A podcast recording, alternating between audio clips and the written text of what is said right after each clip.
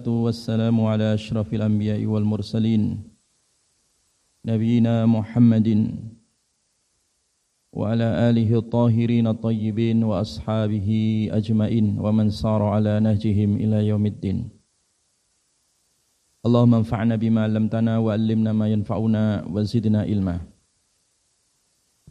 اللهم إنا نسألك علما نافعا ورزقا طيبا وعملا متقبلا.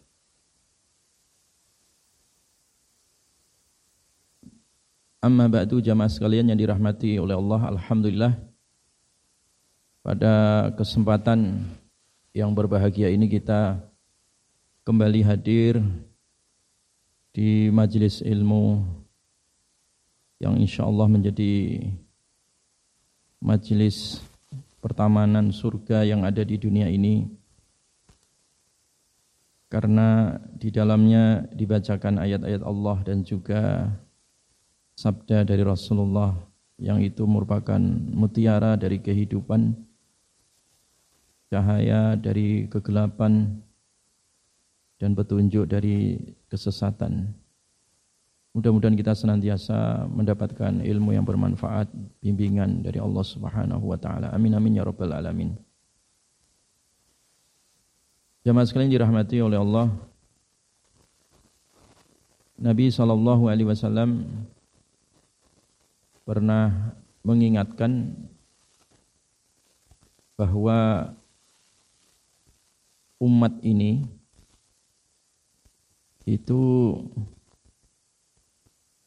mendapatkan kebaikan dan juga kemuliaan dari Allah Subhanahu wa taala disebabkan karena dua perkara. Jadi baiknya umat ini itu disebabkan dua perkara. Demikian juga rusaknya umat ini disebabkan karena dua perkara. Perkara inilah yang akan kita bahas di dalam kajian tematik pada kesempatan kali ini. Kita awali dari hadis sahabat yang meriwayatkan dari Nabi sallallahu alaihi wasallam ya. Hadis ini dari Amr bin Shu'aib dari ayahnya kemudian juga dari kakeknya dari Rasulullah sallallahu alaihi wasallam bahwa beliau bersabda awwalu salahi hadhil ummati al-yaqinu waz-zuhdu ya Awalu salahi hadhil ummah. Awal kebaikan umat ini. Jadi awal atau kata kunci dari kebaikan umat ini itu ada pada al-yaqinu keyakinan wazuhdu dan zuhud ya. Wa awwalu fasadiha dan awal rusaknya umat ini itu adalah al-bukhlu bakhil atau kikir ya wal amalu dan angan-angan panjang ya atau angan-angan kosong yang melalaikan. Pada tema ini Nabi Wasallam mengingatkan kepada kita dua kunci penting ya di dalam kehidupan umat Islam. Dua kunci ini menentukan kebaikan-kebaikan yang ada pada umat ini. Umat ini dimenangkan oleh Allah Subhanahu wa taala dan diberkahi oleh Allah Subhanahu wa taala dalam segala urusannya itu disebabkan karena dua perkara ya. Yaitu al-yaqinu, yakin. Yakin kepada Allah ya, yakin kepada pertolongan Allah. Yakin terhadap balasan Allah, yakin terhadap urusan akhirat ya. Jadi dalam masalah urusan-urusan akhirat dia yakin ya. Dan dalam urusan-urusan dunia wazuhdu dia zuhud ya Jadi dalam urusan akhirat, dalam urusan keimanan dia 100% yakin ya. Dalam urusan kehidupan duniawi materi, dia 100% zuhud ya. Zuhud itu artinya orang meletakkan dunia itu hanya sampai kepada telapak tangannya saja ya. Tidak dimasukkan ke dalam kerongkongan ataupun di dalam relung hatinya ya. Itu zuhud ya. Sehingga tidak terlalu dibutakan dengan cinta dunia ya. Sehingga dia menjaga jarak antara dunia ya dengan dirinya. Itu zuhud ya. Jadi yakin dan zuhud. Nah, ini kata kunci ya. Jadi yakin dan zuhud itu adalah kata kunci kebaikan bagi umat Islam ya. Demikian juga bakhil dan angan-angan kosong atau angan-angan panjang itu juga kunci rusaknya umat ini.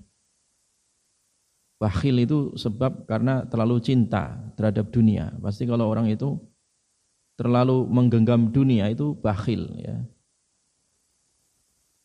Jadi bakhil itu produk asli dari orang yang memasukkan dunia ke dalam hatinya ya, sehingga terlalu cinta terhadap dunia.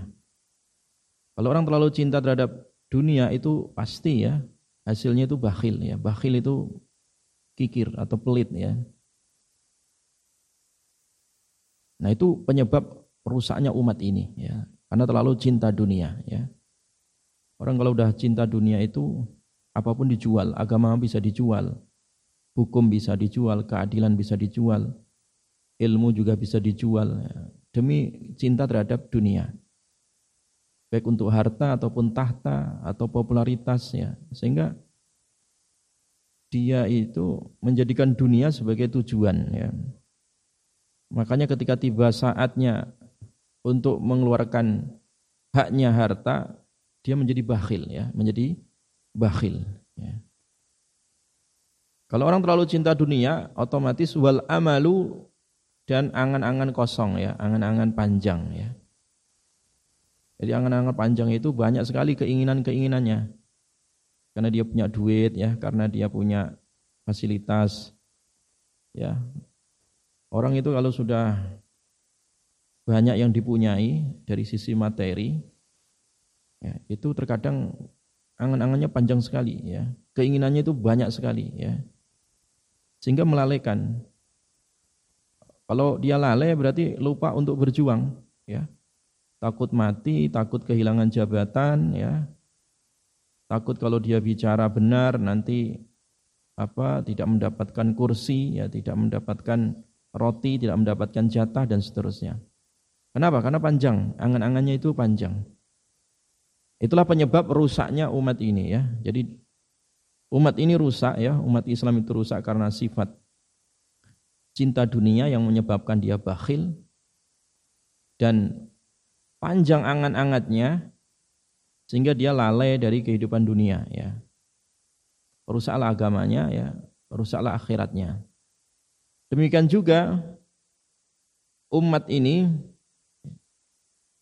dijaga oleh Allah dimenangkan oleh Allah Subhanahu wa taala ditolong oleh Allah Subhanahu wa taala diperbaiki oleh Allah Subhanahu wa taala itu juga disebabkan karena dua perkara tadi ya.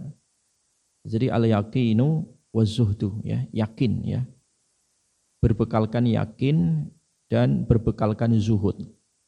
Cukup sebenarnya ya. Jadi kalau jadi umat Islam, orang hidup itu kalau bekalnya yakin dan zuhud itu sebenarnya cukup ya.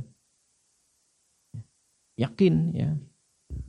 Burung itu ya terbang di pagi hari dia yakin saja modalnya ya.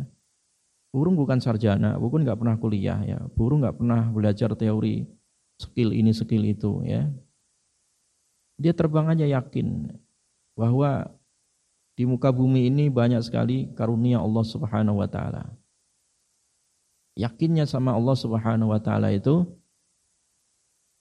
sang burung itu dia terbang dalam kondisi perutnya kosong ya. Di petang hari dia pulang perutnya sudah penuh dengan isi ya, alias kenyang. Ya. Ya, jadi taghdu khimasan wa taruhu bitonan kata Nabi. Jadi saking yakinnya burung itu pagi-pagi dia berangkat terbang ke angkasa cari makan ya dalam kondisi perut kosong pulang dia dalam kondisi bitonan ya perutnya sudah penuh yakin jadi kalau orang itu yakin seperti itu ya Allah akan berikan ya Allah akan perbaiki dan Allah akan berikan rezeki ya jadi keyakinan itu sebenarnya dibangun oleh Nabi Shallallahu Alaihi Wasallam ya Ketika hijrah juga yang dibangun oleh Nabi keyakinan. Ya. Keyakinan. Kalau tidak yakin orang nggak bakal mau hijrah bersama Nabi. Bagaimana? Rumah ditinggalin, ya, harta ditinggalin, bahkan anak istri kadang ditinggalin. Dia pergi meninggalkan Madi, Makkah menuju Madinah dalam kondisi compang-camping ya. Bagian mereka hanya membawa izar ya, Sebagian mereka hanya membawa rida, izar itu artinya baju bagian bawah saja. Ada yang sebagian mereka membawa baju sebagian atas saja ya. Sehingga sebagian mereka ada yang tidak bisa berdiri karena kalau berdiri lututnya itu kelihatan ya. Kondisinya compang-camping seperti itu, tapi yakin di ditanamkan oleh Nabi wasallam yakin. Makanya umat awal ya, umat dahulu ya ditolong oleh Allah mendapatkan kemenangan itu ya diperbaiki oleh Allah itu ketika mereka yakin ya, yakin ya. Jadi keyakinan yang ditanamkan oleh Nabi Shallallahu Alaihi Wasallam ya. Jadi yakin itu yang harus diutamakan ya. Nah, sekarang itu kan orang banyak bersandar kepada selain Allah ya, kepada selain yakin ini ya. ya. Dengan majunya teknologi ya, ilmu sains dan teknologi itu kalau semakin maju ya, ketika Allah tidak dilibatkan di dalam ilmu dan perkembangan zaman maka yang terjadi orang itu ketergantungan terhadap alat ya, terhadap mesin ya, terhadap materi ya.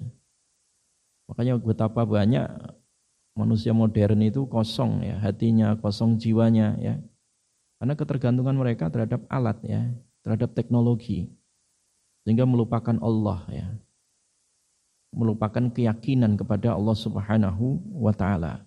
Betapa banyak ya manusia-manusia modern itu kehilangan ruhnya disebabkan ketergantungan mereka terhadap sebuah alat ya, terhadap sebuah benda.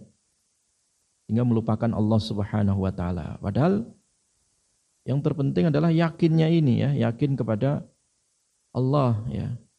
Makanya ketika Allah menjelaskan tentang masalah rezeki, rezeki itu di langit ya. Rezeki itu di langit. Wa fis sama'i rizqukum wa ma tu'adun.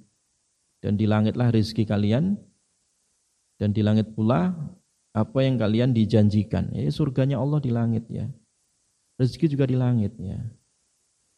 Nah, ketika salah seorang ulama membaca ayat ini yaitu Imam Al-Asma'i Ketika aku bacakan ayat ini di depan seorang wadui ya, orang wadui ketika dibacakan surat Az-Zariyat وَالذَّارِيَاتِ ذَرْوَا فَالْحَامِلَاتِ وِقْرًا فَالْجَارِيَاتِ يُسْرًا فَالْمُقَسِّمَاتِ أَمْرًا sampai kepada ayat wa fis sama'i rizqukum wa ma tu'adun ya. Dan di langitlah rizki kalian dan di langit pula lah apa yang kalian dijanjikan. Mendengar ayat ini, saking yakinnya sang badui tadi itu hasbuk, cukup, cukup, cukup. Ya, cukup ayat ini. Wa qama ila naqatihi fanaharaha.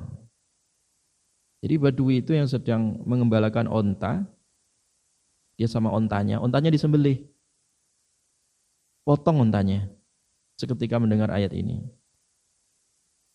Saking yakinnya, ketika ontanya tadi dipotong, wawazza'aha.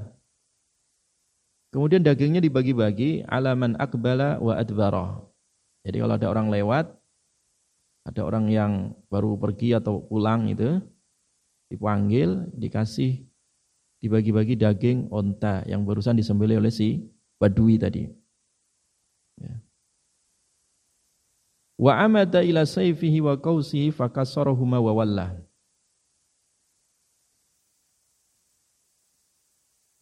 Jadi si Badui itu saking eh, apa tadi yakinnya tadi onta yang harusnya dinaikin atau onta yang biasa dijadikan kendaraan atau ya, dijadikan sandaran hidupnya itu malah disembelih ya dan dibagi-bagikan. Demikian juga pedang ya, tombak atau panah yang biasa dipakai untuk berburu juga sama diletakkan ya, ya dipecah-pecah sama si badui ini. Kemudian dia pergi. Ya. Falaki tuhu fit tawaf qad nahala jismuhu wasfarra launuhu. Fasallama alayya wastaqra'a surah. Falamma balagtu al-ayah saha. Ya. Jadi akhirnya suatu ketika aku ketemu lagi kata Imam Al-Asma'i ini, ya. Aku ketemu lagi si Badui ini. Ya, ketika aku tawaf ya. Tawaf di sekeliling Ka'bah, Ternyata ketemu lagi sama si Badui ini ya. Dan sang Badui tadi minta lagi dibacakan surat Az-Zariyat ya. ya. dibacakan lagi ya. ya. Dibacakan lagi, diulang lagi surat Az-Zariyat tadi itu ya. Wa fis sama'i rizqukum wa ma tu'adun. Kemudian berhenti dan sang Badui ini teriak, Qad wajadna wa wa'adana rabbuna haqqa. Sungguh aku telah mendapati apa yang dijanjikan oleh Allah itu benar, bahwa rezeki itu di langit itu benar. Bayangkan jamaah sekalian, si Badui ini kan biasanya orang yang biasa berburu ya di hutan belantara ataupun di padang pasir. Yang biasa dipakai adalah onta ataupun pedang ataupun panah, itu ditinggalin semua. Ya. Saking yakinnya si Badui tadi itu rezeki di langit. Ya. Saking yakinnya itu, ya. Dan ternyata benar kata si Badui, ya. Rezeki itu di langit, ya. Dan aku mendapati apa yang telah dijanjikan oleh Allah itu benar, ya. Ya. Wahal ghairu hadza. Karena si Badui ini enggak hafal Quran, minta ditambah lagi. Coba lanjutkan bacaan surat Az-Zariyat tadi. Lanjutannya, sama'i wal ardi innahu lahaqq. Ayat lanjutnya itu adalah demi Tuhan langit, Tuhan bumi, sungguh itu adalah hak ya, benar. Si Badui malah tambah teriak lagi, subhanallah, subhanallah ya. Jadi subhanallah. Ya. Subhanallah ya. Diucapkan sampai tiga kali ya. Ya. Jamaah sekalian dirahmati oleh Allah Subhanahu wa taala. Hadis ini diriwayatkan oleh Imam Baihaqi ya. Jadi orang ya semacam badui saja ya, saking yakinnya kepada Allah Subhanahu wa taala itu ya. Dia tidak lagi bergantung kepada alat ya. Boleh orang mengambil suatu alat ya. Suatu sarana, suatu fasilitas itu boleh. Tapi bukan menjadi tujuan. Ya. Orang mencari rezeki di pasar itu sarana ya. Orang mencari rezeki lewat kantor itu sarana. Orang mencari bisnis apa rezeki melalui bisnis ya, online, offline itu sarana. Tapi bukan menjadi tujuan. Jangan orang punya keyakinan rezekinya ada di dalam bisnis, belum tentu. Ya, betapa banyak hari ini orang punya bisnis gulung tikar. Ya. Orang punya keyakinan rezekinya di pertanian, belum tentu juga. Ya, pertanian, peternakan, bisnis dan seterusnya itu sarana saja. Ya, rezeki itu di langit ya. Yaitu Allah Subhanahu wa taala lah yang mengucurkan rezeki tadi ya. Makanya keyakinan itu yang dibangun ya di awal mula dakwahnya Nabi sallallahu alaihi wasallam ya. Makanya Nabi 10 tahun di Mekah itu dakwah beliau itu hanya berfokus kepada keyakinan saja. Makanya lihat ayat-ayat ataupun surat-surat makiyah itu isinya adalah keyakinan aja. Keyakinan tentang balasan Allah ya. Keyakinan tentang pahala, keyakinan tentang surga, neraka ya. Itu di surat-surat makiyah isinya ya itu saja, membangun keyakinan. Makanya Nabi mengatakan bahwa solah ya, kebaikan hadhil ummah umat ini itu ada pada keyakinan ya. Ada pada keyakinan. Ya. Kalau keyakinan itu rusak ataupun hilang, maka rusaklah itu umat ya. Makanya umat Islam itu rusak ya, bukan karena bom atom ya atau bukan karena ekonominya rusak, tidak, tetapi umat Islam rusak itu adalah ketika keyakinannya rusak gitu ya. Nah, sekarang itu keyakinan umat Islam rusak itu karena pemikiran, karena ghazwul fikri gerakan-gerakan liberal, gerakan-gerakan sekulerisme, komunisme, nah itulah yang merusak keyakinan hari ini ya. Sehingga jangan heran kalau ada orang katanya muslim ya, ya dipanggil Pak Haji ya. Ya sarjananya juga sarjana tafsir atau sarjana hadis ya, muslim. Ya. Tetapi perilakunya tidak mencerminkan sebagai seorang muslim. Karena keyakinannya hilang, dirusak tadi. Oleh apa? Pemikiran mungkin diliberalkan pemikirannya, disekulerkan. Sehingga menganggap bahwa dunia harus terpisah dari agama. Agama hanya urusan masjid. Di luar masjid nggak usah pakai agama. Ekonomi harus dipisah dari agama dan seterusnya. Dirusak keyakinannya ya. Dan inilah yang menyebabkan ya umat itu rusak ya. ya. Umat itu mudah dibeli ya. Walaupun kelihatannya mayoritas, tetapi diibaratkan seperti buih di lautan. Kenapa? Keyakinannya yang dirusak, ya. Bukan fisiknya, keyakinan, ya. Makanya keyakinan rusak itu ya ditukar dengan hal-hal yang sifatnya materi duniawi tadi, ya. Hubud dunia, ya. Terlalu cinta dunia sehingga dia bakhil, terlalu cinta dunia dia sehingga menghalalkan segala cara, ya seperti itu. Ya, wa awalu fasadiha al-bukhl ya. ya. Jadi awal mula rusaknya umat ini disebabkan cinta dunia yang menyebabkan orang itu bakhil ya. Bakhil. Ya, itu pasti rusak.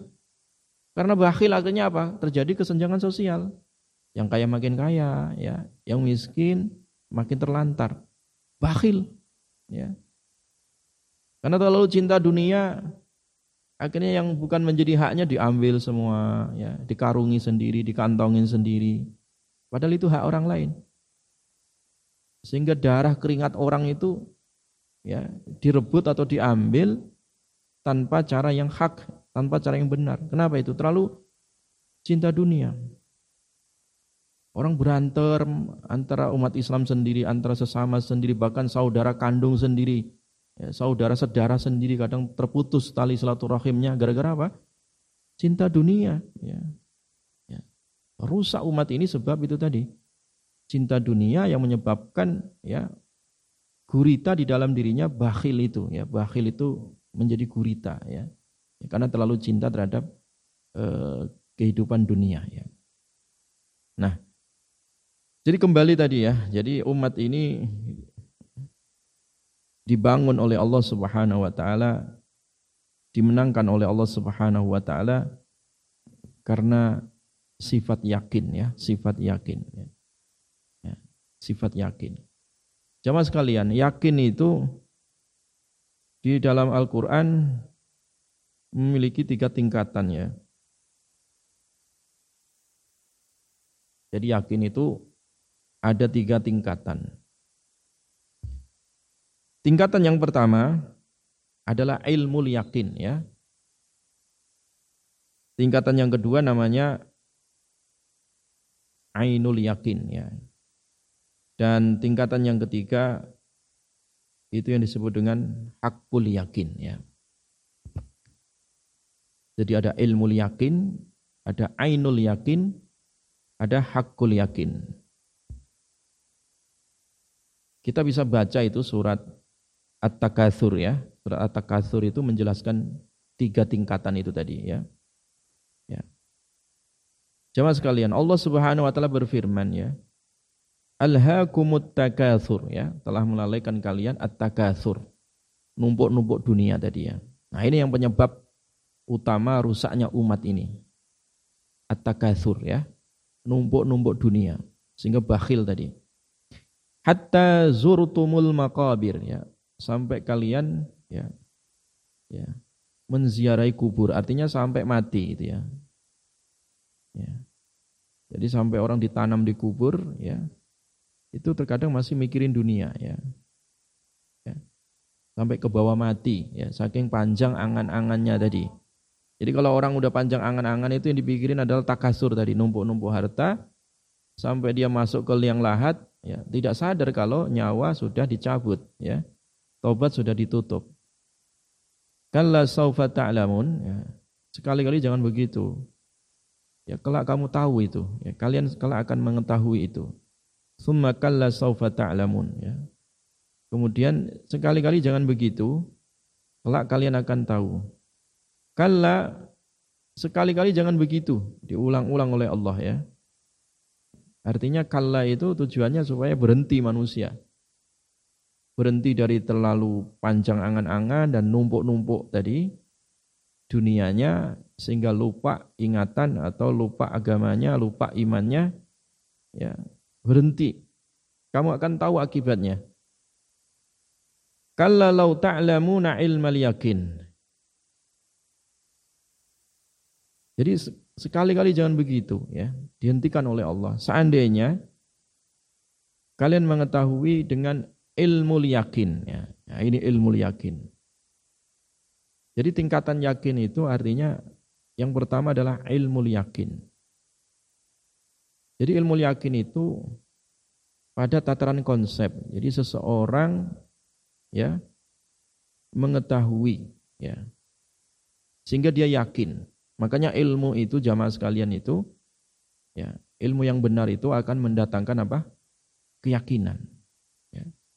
Nah, supaya orang tidak terjebak tadi di dalam kerusakan tadi, ya at-takasur atau al-hakumut tadi ya. Lalai dan juga orang itu menumpuk-numpuk harta tadi itu karena lupa. Jadi akal sehatnya sudah tidak berfungsi. Mata hatinya sudah buta ya. Sehingga ditegur oleh Allah sampai tiga kali jangan seperti itu ya. Jangan sekali-kali seperti itu. Ya.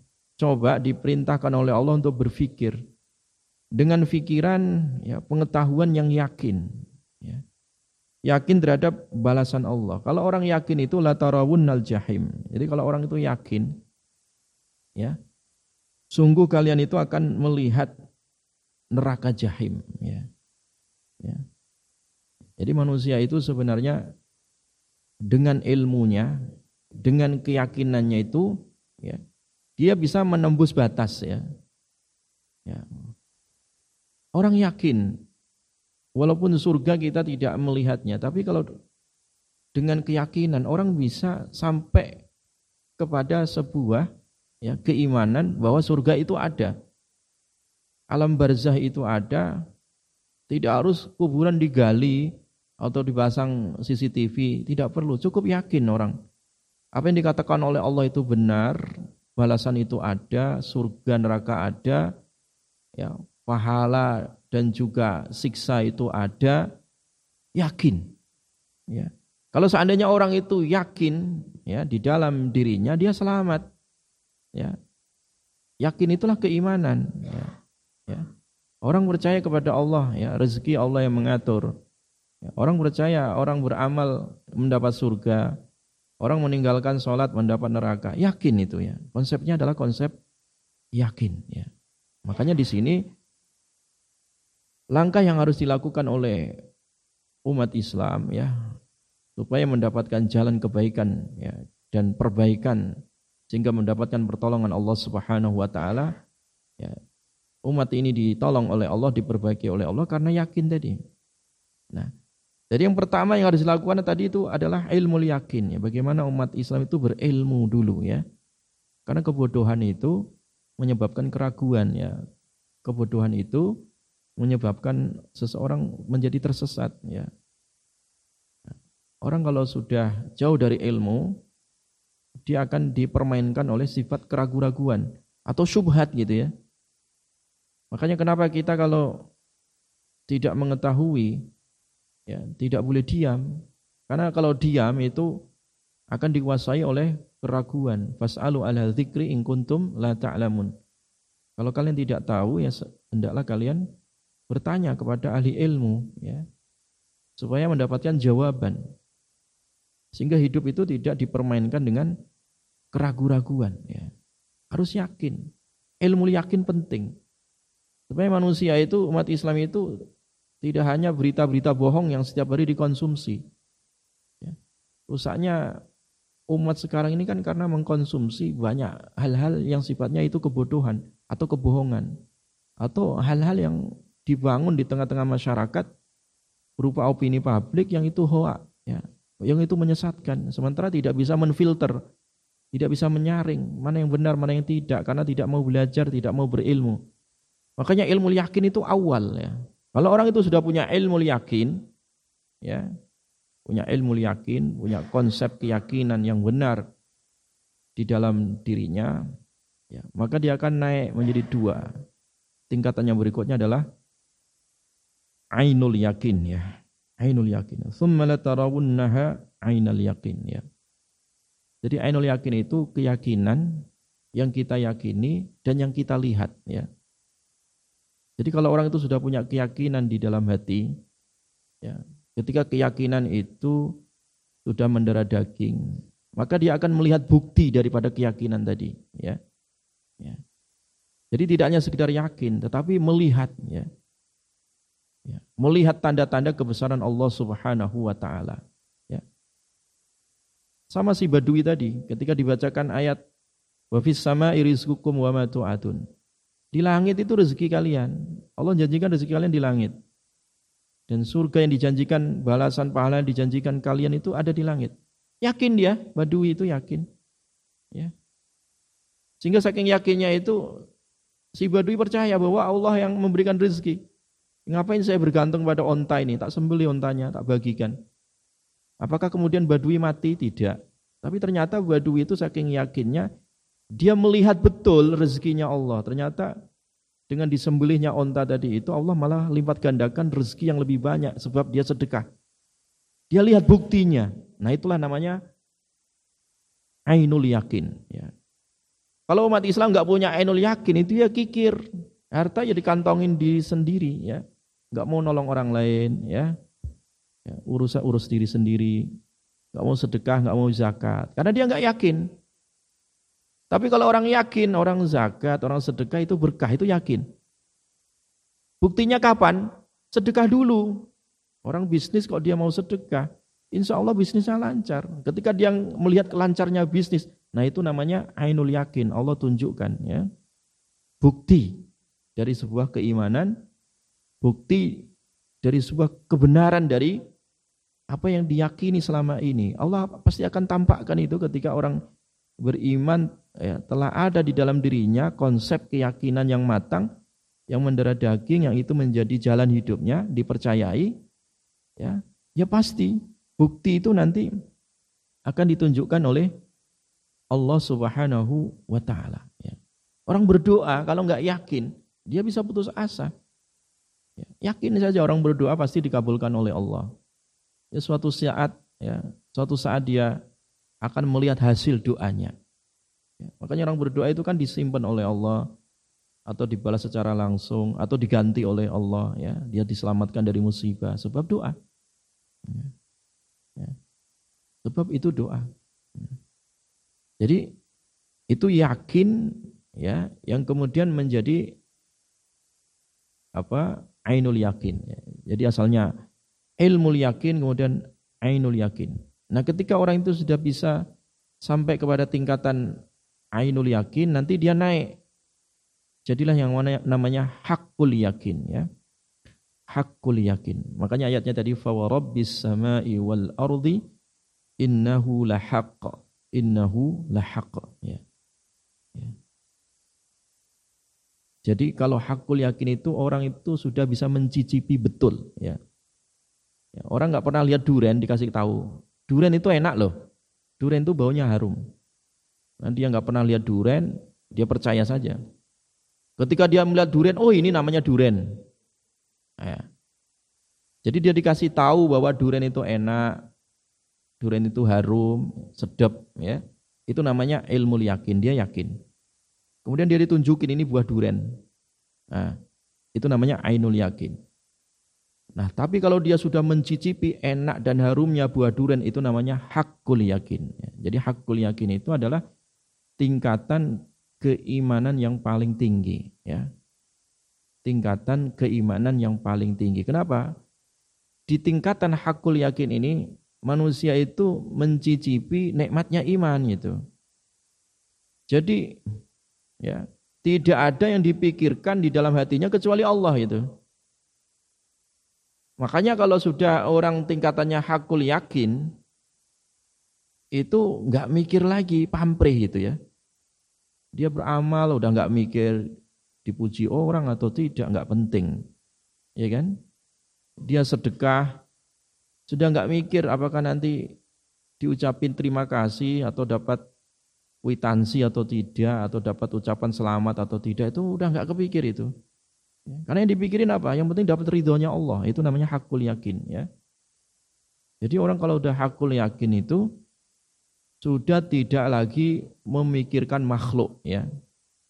Yang dilihat itu adalah Allah ya. Jadi segala gerak-geriknya itu ya karena Allah saja gitu. Sehingga di sini dia tidak lagi pujian atau celaan manusia itu udah enggak enggak menjadi prioritas ya. Udah enggak dipikirin lagi. Kenapa? Karena dia sudah merasakan tadi nikmat manisnya iman ya. Jadi dia sudah mendapati nikmat manisnya iman, manisnya beribadah. Ya. Terkadang sudah nggak mikir ya. nggak mikir ini dingin atau panas ya. Yang penting dia sholat subuh bangun ya untuk beribadah. Oh dia kepingin ketemu Allah. Jadi dia udah nggak terlalu berpikir ya. Ya. Terhadap kenikmatan-kenikmatan yang sifatnya memanjakan badan atau kenikmatan-kenikmatan yang sifatnya itu untuk keenaan duniawi tidak tidak mikir lagi. Kenapa? Karena dia sudah sampai kepada derajat hakul yakin. Nah, jika umat Islam itu sudah derajatnya hakul yakin, nah itulah ya, itulah puncak daripada kebaikan umat ini ya. Jadi hakul yakin ya. Keyakinan yang puncak ya terhadap Allah Subhanahu wa taala. Jadi keyakinannya itu sudah memuncak gitu ya. Sehingga kehidupannya ya wa zuhdu, zuhud ya. Zuhud itu artinya enggak tergantung dengan kehidupan dunia. Nah, problem umat ini itu kan problem umat Islam itu ya terjadi perpecahan ini, perpecahan itu ya, tidak bersatunya umat Islam. Masih simbang siurnya itu ya gara-gara itu tadi. Rebutan dunia intinya, rebutan dunia ya. Ya, jadi urusannya adalah ketergantungan terhadap dunia ya. ya. Dunia itu ya tidak jauh dari jabatan, ya jadi harta, ya kekuasaan, popularitas ya atau apalah ya hal-hal yang sifatnya itu diperebutkan ya. ya. Itu yang menyebabkan perpecahan itu ya. Perpecahan itu lagi-lagi karena urusannya adalah urusan apa?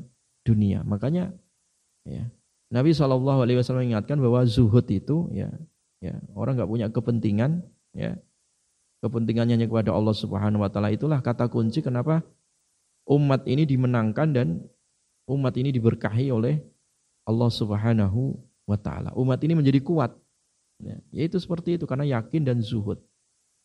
Bahkan dulu di dalam perang Uhud itu ada salah satu sahabat ya yang sedang makan kurma, ya sedang makan kurma Ya. Ketika menikmati satu butir kurma itu baru separuh digigit ya. Diletakin karena mendengar seruan dari Nabi hayyalal jihad, ayo jihad. Jadi supaya berangkat ke perang Uhud. Kata sahabat nih, kalau saya habiskan ini sebutir kurma ini, saya ketinggalan jihad. Diletakin, Pak. Separuh kurmanya diletakin dia pergi. Ya. Itu saking yakinnya itu ya, saking yakinnya dan saking tidak butuhnya terhadap kehidupan dunia tadi ya. Itu para sahabat itu yakin dan zuhudnya itu eh, sangat luar biasa ya. Makanya pantas ya umat ini ditolong dan dimenangkan oleh Allah sebab apa? Yakin dan juga eh, sifat zuhud ini ya. Yakin dan juga sifat eh, zuhud. Ya. Sehingga agama itu menjadi prioritas ya. Sebab keyakinan dan zuhudnya. Agama ditaruh di atas.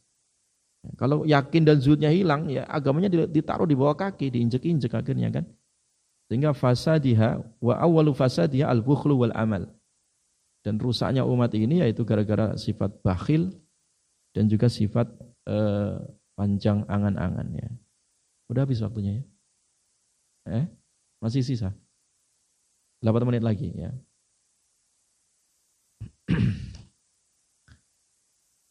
Jamaah sekalian dirahmati oleh Allah Subhanahu wa taala. Ya.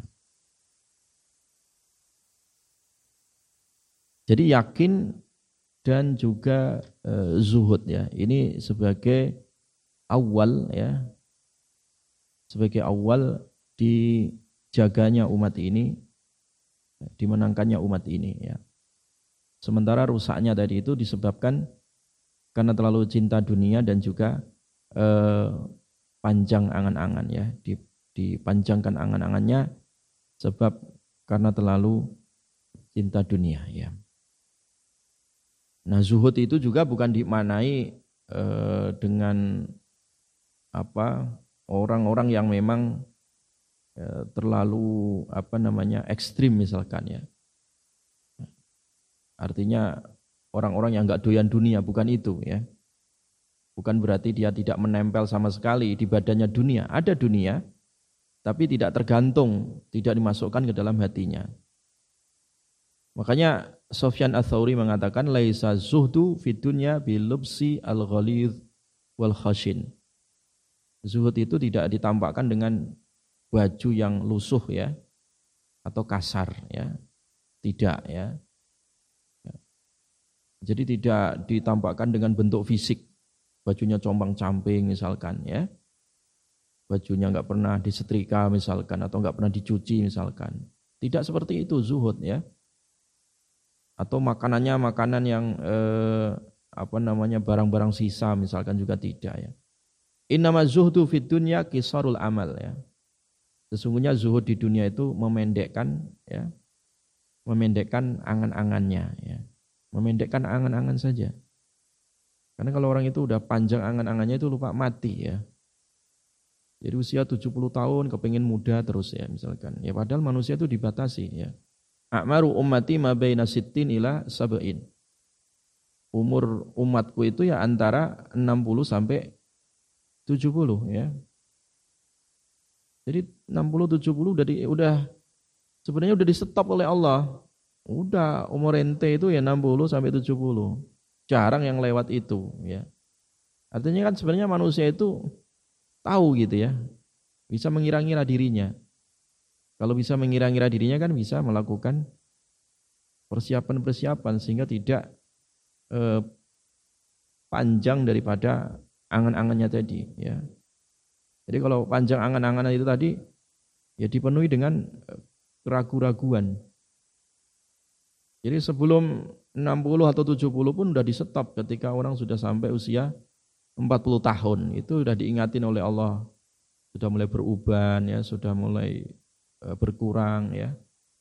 Sudah mulai keriput kulitnya ya hatta idza balagha syuddahu wa balagha arba'ina sanah ya kalau orang sudah sampai kepada usia 40 tahun itu sudah diingatkan kembali oleh Allah. Nanti kalau sudah sampai 60 apalagi ya. Sampai 70 apalagi. Sebenarnya itu untuk membatasi angan-angan manusia. Diingatkan dengan kematian, diingatkan dengan eh, hari-hari persiapan ya.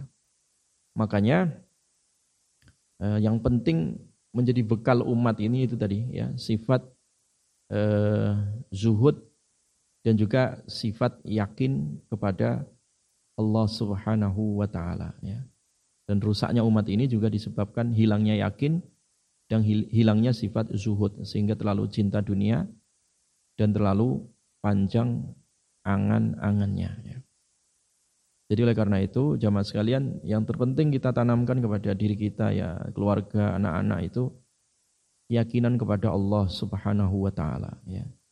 Jadi yakin ya, yakin pertolongan Allah, yakin rezekinya Allah ya. Yakin sehingga orang tidak bergantung kepada jabatan ataupun gelar ataupun kemampuan dirinya. Dia bergantung hanya kepada Allah Subhanahu wa taala itulah yakin ya. Yakin itulah yang akan menjadikan orang itu hidup ya, menjadikan orang itu eh, senantiasa ya tidak pernah putus asa karena ada keyakinan di dalam dirinya. Karena keyakinan itu ya puncaknya iman itu ya, ya. Jadi puncaknya iman itu yakin ya. ya terhadap Allah Subhanahu wa taala. Wallahu a'lam bissawab ya. Subhanakallahumma bihamdika asyhadu an la ilaha anta Astaghfiruka. Assalamualaikum warahmatullahi wabarakatuh.